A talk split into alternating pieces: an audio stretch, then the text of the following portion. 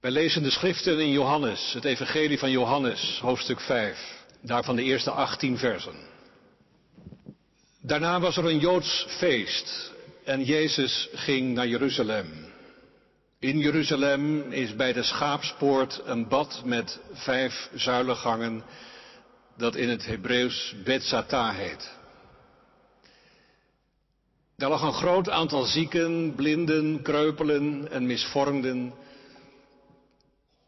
Er was ook iemand bij die al 38 jaar ziek was. Jezus zag hem liggen. Hij wist hoe lang hij al ziek was. En zei tegen hem, wilt u gezond worden? De zieke antwoordde, Heer, als het water gaat bewegen, is er niemand om mij erin te helpen.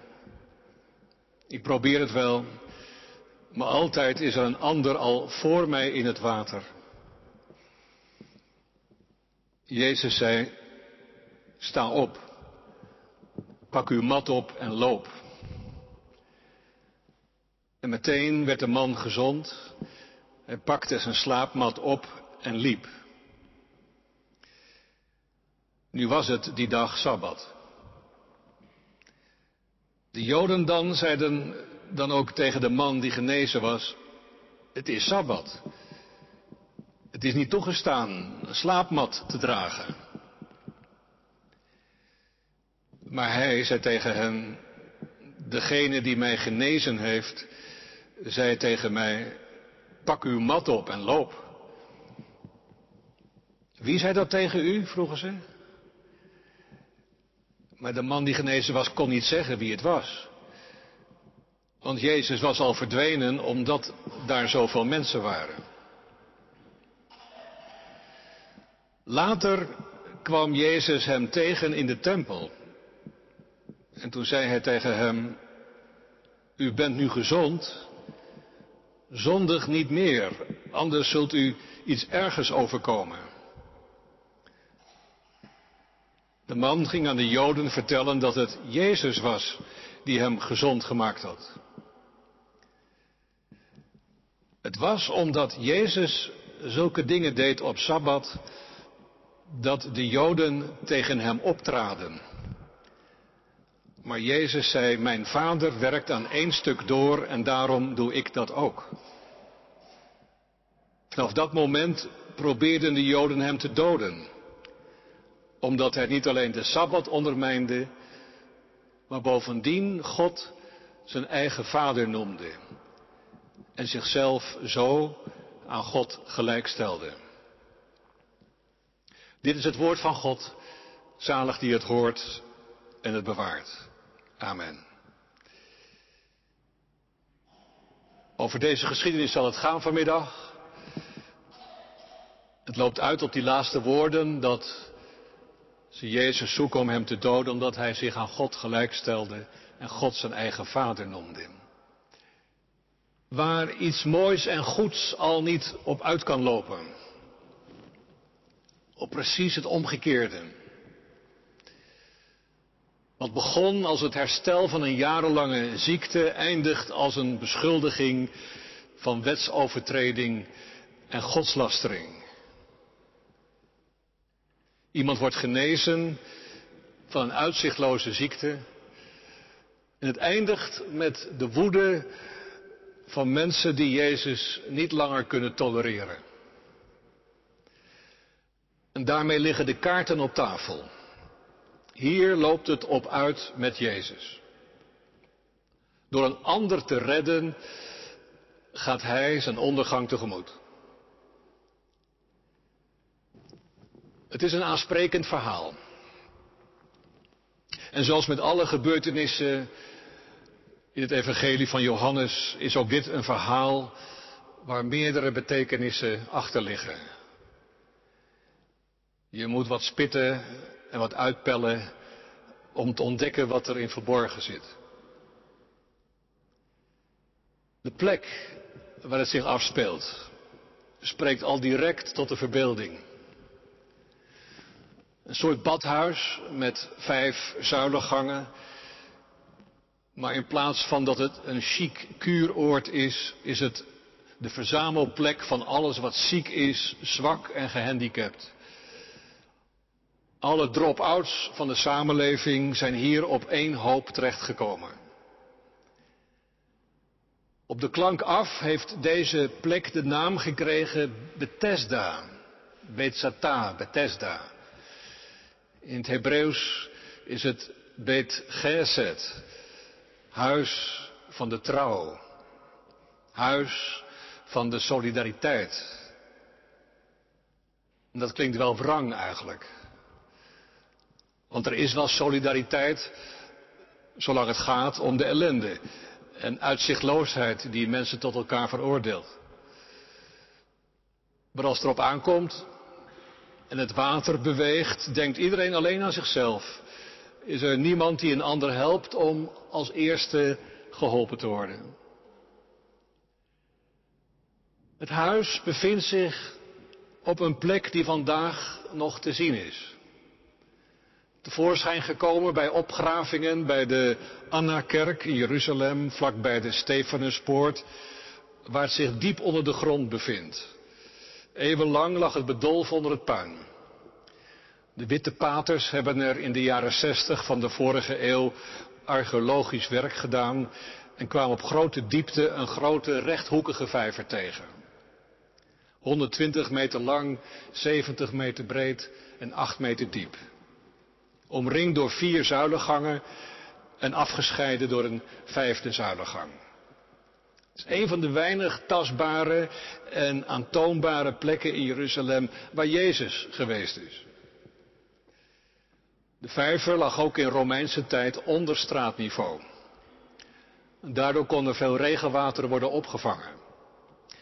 En werkt het op bepaalde tijden als een put die borrelt als er water bij komt of uit wegstroomt. Tenminste, zo verklaren wij het. In Jezus' dagen dacht men, het is een engel die het water in beweging brengt. En Jezus stapt dit oord binnen. Een wereld vol ellende. En bij één man staat hij stil.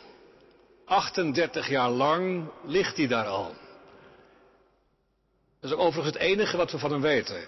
En het vermoeden dat hij een verlamming heeft. 38 jaar. Er is maar één plaats in de Bijbel waar dat getal ook genoemd wordt. In Deuteronomium 2. Dat is niet zomaar eigenlijk. Want het is bijna daar in Deuteronomium het einde van de woestijnreis. Na 38 jaar blijkt de eerste generatie van weerbare mannen te zijn uitgestorven. Ze hadden het 38 jaar eerder niet aangedurfd het beloofde land binnen te gaan. Omdat er verspieders terugkwamen die zeiden dat gaan wij niet redden. De mensen die daar wonen zijn te talrijk en ze zijn te sterk. Behalve Jozua en Caleb, die verspreiden een goed gerucht van het land en zij zullen het straks wel binnengaan. Maar al die anderen die destijds verlamd waren van angst, die generatie is nu weg. Aan een eind gekomen, zodat wie nu over zijn een nieuw begin mogen meemaken. Met andere woorden, als Jezus iemand ziet die een verleden achter zich heeft van 38 jaar verlamming, tobben, niet verder komen, wel in leven gebleven, maar dat is ook alles. Is het alsof Jezus in die ene man het hele volk Israël voor zich ziet? Misschien kun je wel zeggen, het huis, de plek waar dit zich afspeelt, is juist een beeld van de wereld. Een wereld vol ellende. Een wereld waarin iedereen maar zich moet zien te redden. En waar een enkeling af en toe het geluk heeft om aan de ellende te ontsnappen. Die wereld is Jezus binnengetreden. 38 jaar. Het is genoeg. Laat de tijd van machteloosheid voorbij zijn. Wil je gezond worden? Wil je genezing? Er klinkt een opvallend antwoord. Het is geen ja of nee. Want kun je dat nog opbrengen na zoveel jaar? Iemand die zo lang ziek is en in de ellende zit, heeft zich op den duur ermee verenigd. Het is bekend, mensen die lang ziek zijn, één worden met hun ziekte. Zo krijgen ze ook een naam. Dit is de verlamde of de blinde. Dat is hun naam geworden, hun bestaan. Wil je genezing? Wil je gezond worden? Is deze vraag die Jezus aan Israël stelt. Het is de vraag die de hele wereld hoort. Iedereen luistert mee. En wat wordt er dan gezegd? Kun je na zo lange tijd nog opbrengen iets te verwachten? Je hoopt het wel, ergens diep van binnen. Stel je voor dat jij net toevallig.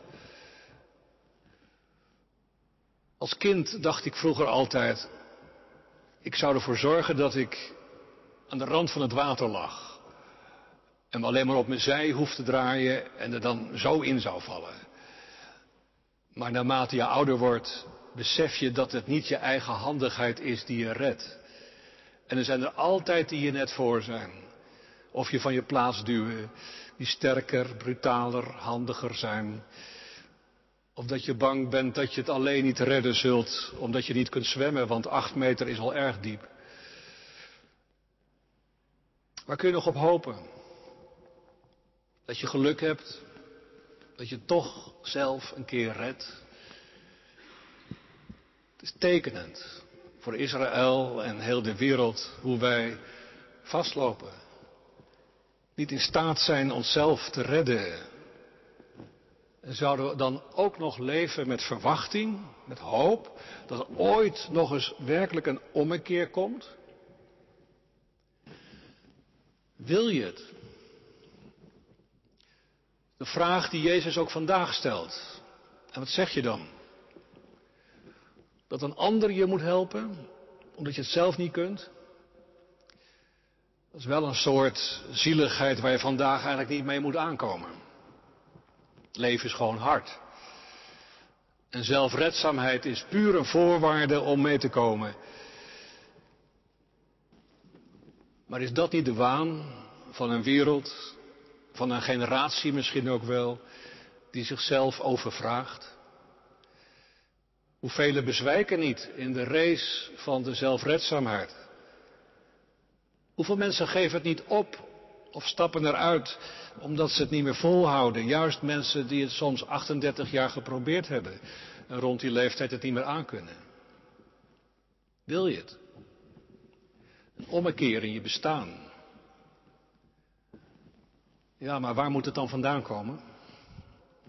Dat het nog echt werkelijk wat wordt Waar moet het vandaan komen om een eind te maken aan het vruchteloos wachten, gevangen zitten in eigen beperking en onmacht? Waar het vandaan komt? Van iemand die het woord neemt en zegt: Het is genoeg geweest. Sta op, pak je mat op en loop. Het is genoeg geweest. Jezus spreekt. En dan gebeurt er wat. Man komt overeind, pakt zijn spullen en loopt het leven tegemoet. Dit is opstanding, dit is Pasen. Het is al een nieuw begin, een nieuwe schepping. Eenvoudigweg doordat Jezus het zegt. Meer niet. Meer gebeurt er niet. Geen grote acties, geen ingewikkelde opdrachten, geen voorbereidende voorwaarden, niets. Niets dan alleen een woord dat met macht gesproken wordt. Waar iemand als vanzelf door overeind komt. Letterlijk opgericht wordt. En weer kan wandelen voor God en de mensen. Dat verlossende woord, daar wachten wij op. Het woord dat de wereld vernieuwt, is toch daarvoor dat wij hier in de kerk zijn. Dat we het hiervan hebben moeten. Spreek, Heer, uw woord. Een woord van macht. Ik betrap mezelf er vaak op, en misschien doe je dat ook wel, dat ik denk dat wij het toch op een of andere manier zelf altijd moeten realiseren. Dat wij het moeten waarmaken. Wil het nog wat worden met deze wereld? Met Israël, met de volken. En ook met de gewone dingen van elke dag. Ik wil het voor elkaar hebben. Dat het kans van slagen heeft. Ik wil dat het succes heeft. En dat anderen er ook van doordrongen zijn. Als iedereen nu maar eens deed wat er gewoon gedaan moest worden. Maar van tijd tot tijd overvalt je een enorm gevoel van machteloosheid. We komen geen stap verder. We draaien een beetje rond op onze eigen vierkante meter. En of ik dan ook nog wat heb aan mijn geloof, zou het soms niet weten. Want de malle molen van het leven, met alle golfbewegingen in de markt en een put waarin van alles borrelt en tekeer gaat alsof de duivel erin roert. Ik zou niet weten of we hier nog uitkomen. En we moeten wachten tot het een keer is afgelopen misschien. Die malaise, die ook een geestelijke ingezonkenheid is, is die niet te wijten aan het feit dat wij helemaal op onszelf zijn geworpen. Geen idee hebben hoe er nog een verlossend woord gesproken zou kunnen worden. Hoe het leven weer echt in beweging komt. Als een nieuwe schepping. Hoe dan? Door nog een stap verder te komen. Door te ontdekken waar het nu echt op aankomt. En hoe kom je een stap verder? Door opnieuw gevonden te worden door Jezus. Niet één keer, maar nog een keer. Als je in de tempel bent, in het huis van God. Je hebt dan blijkbaar een grote kans dat je hem opnieuw tegenkomt. Dat je dan pas ontdekt wie hij werkelijk is. Omdat je hem nauwelijks kende. Jezus, de redder. Jezus vond hem in de tempel. Dat klinkt alsof het toevallig is. Maar in de taal van de Bijbel is dat altijd een wonder. Dat uitgerekend jij tussen al die mensen door Jezus gevonden wordt en aangesproken wordt. Dat is ook precies wat de kerkvader Augustinus geleerd heeft, die tijdenlang op zoek was naar God, maar ontdekte dat God al veel langer op zoek was naar hem. Waar bleef je nou? Waarom ontliep je mij? De man die weer lopen kan, wordt aangesproken door Jezus en krijgt te horen, zondig niet meer omdat je niet iets ergens overkomt. Dat klinkt ons als een hard woord in de oren. Zondig niet meer. Was zijn ziekte dan het gevolg van een overtreding? Had hij iets verkeerd gedaan, waardoor hij al die jaren ziek was? moet hij nu oppassen niet weer een misstap te begaan? De nieuwe Bijbelvertaling suggereert dat er een verband is. U bent nu gezond, zondig daarom niet meer. Maar dat staat er niet. Ik liet het ook weg bij het lezen. Jezus legt geen verband tussen zonde en ziekte. Een paar hoofdstukken verder, in Johannes 9, komt een soortgelijk verhaal als dit opnieuw voorbij. Er is een blinde die met wat modder op zijn ogen zich moet gaan wassen in een ander badwater, in Siloam. Ook hij wist niet wie het was die hem dat gezegd had. En toen hij nog blind was, vroegen ze aan Jezus, heeft hij gezondigd of hebben zijn ouders dat gedaan? Maar Jezus wijst dat af. Dat verband is er niet. Wat is het dan wel? Dat Jezus tegen de verlamde hier in Johannes 5 zegt, zondig niet meer, anders zal iets ergens overkomen. Daarvoor is het belangrijk dat je iets dieper denkt. Als Jezus deze man met zijn machtswoord heeft opgewekt, is daarmee het heil de wereld binnengekomen. Dit heil waardoor mensen geheeld worden, is exclusief verbonden met Jezus. Zondig niet meer betekent dan Zorg ervoor dat je dit niet kwijtraakt. Dat je mij niet kwijtraakt.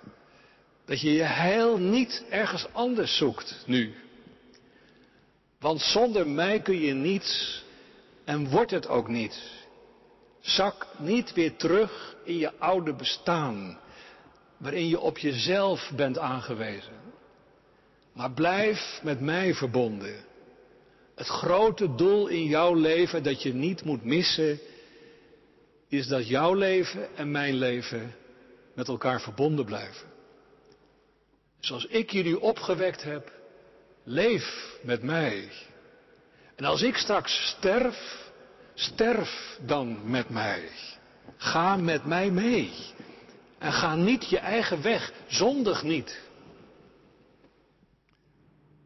Het risico om dit kwijt te raken is levensgroot. Er is geen ander heil voor deze wereld dan wat Jezus bewerkt. Hij is onze enige heilbrenger. En de enige zonde die telt, is dat je je hiervan losmaakt. En dat je weer terugvalt in je oude bestaan. Zondig niet meer, want dan is er geen redden meer aan. Het is uitgerekend rustdag waarop dit allemaal gebeurt. En dat mensen er een punt van maken dat je dan geen spullen mag vervoeren. Terwijl dit een dag is van heil, een dag van redding. Uitgerekend de dag waarvan God zei dat het alles goed was. Zeer goed. Maar nu botst het. Het heil voor deze wereld stuit op weerstand en verzet. Willen wij het wel? Willen we loslaten wat voor ons onopgeefbaar is? En wat jou misschien wel kenmerkt als een vroom mens. Waarmee je overtuigd bent dat je handelt naar de wil van God. Je mag niks dragen op Sabbat. Dat wordt dan de identiteit waar je leven mee staat of valt. De regel die niet geschonden mag worden. Dan zakt heel het systeem dat je zo zorgvuldig opgebouwd in elkaar. Omdat Jezus daar dwars doorheen gaat. En dat hij zegt dat hij zichzelf geen rust gunt. Omdat God zichzelf ook geen rust gunt. Hoe durft hij dat te zeggen, zeggen ze.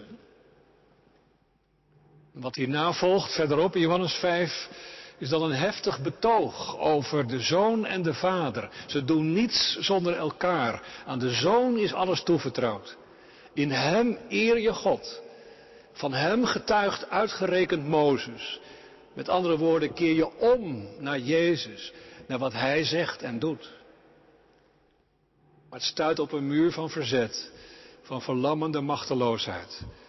Jezus is ongewenst als heilbrenger voor Israël en voor de wereld.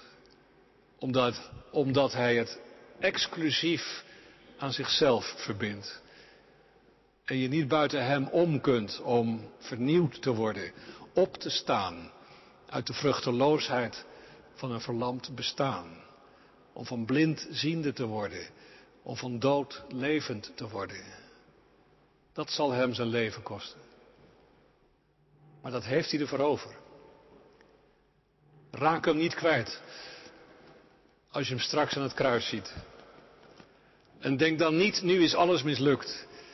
Nu gaat de zon onder. Nu zijn we nog verder van huis. Nee, dit is onze redding. Hij werd gebonden om ons los te maken. Hij werd vernederd om ons te verhogen. Hij werd machteloos om ons op te richten. Juist als je jezelf geen kant meer op kunt. Wil je het? Zondig niet meer. Amen.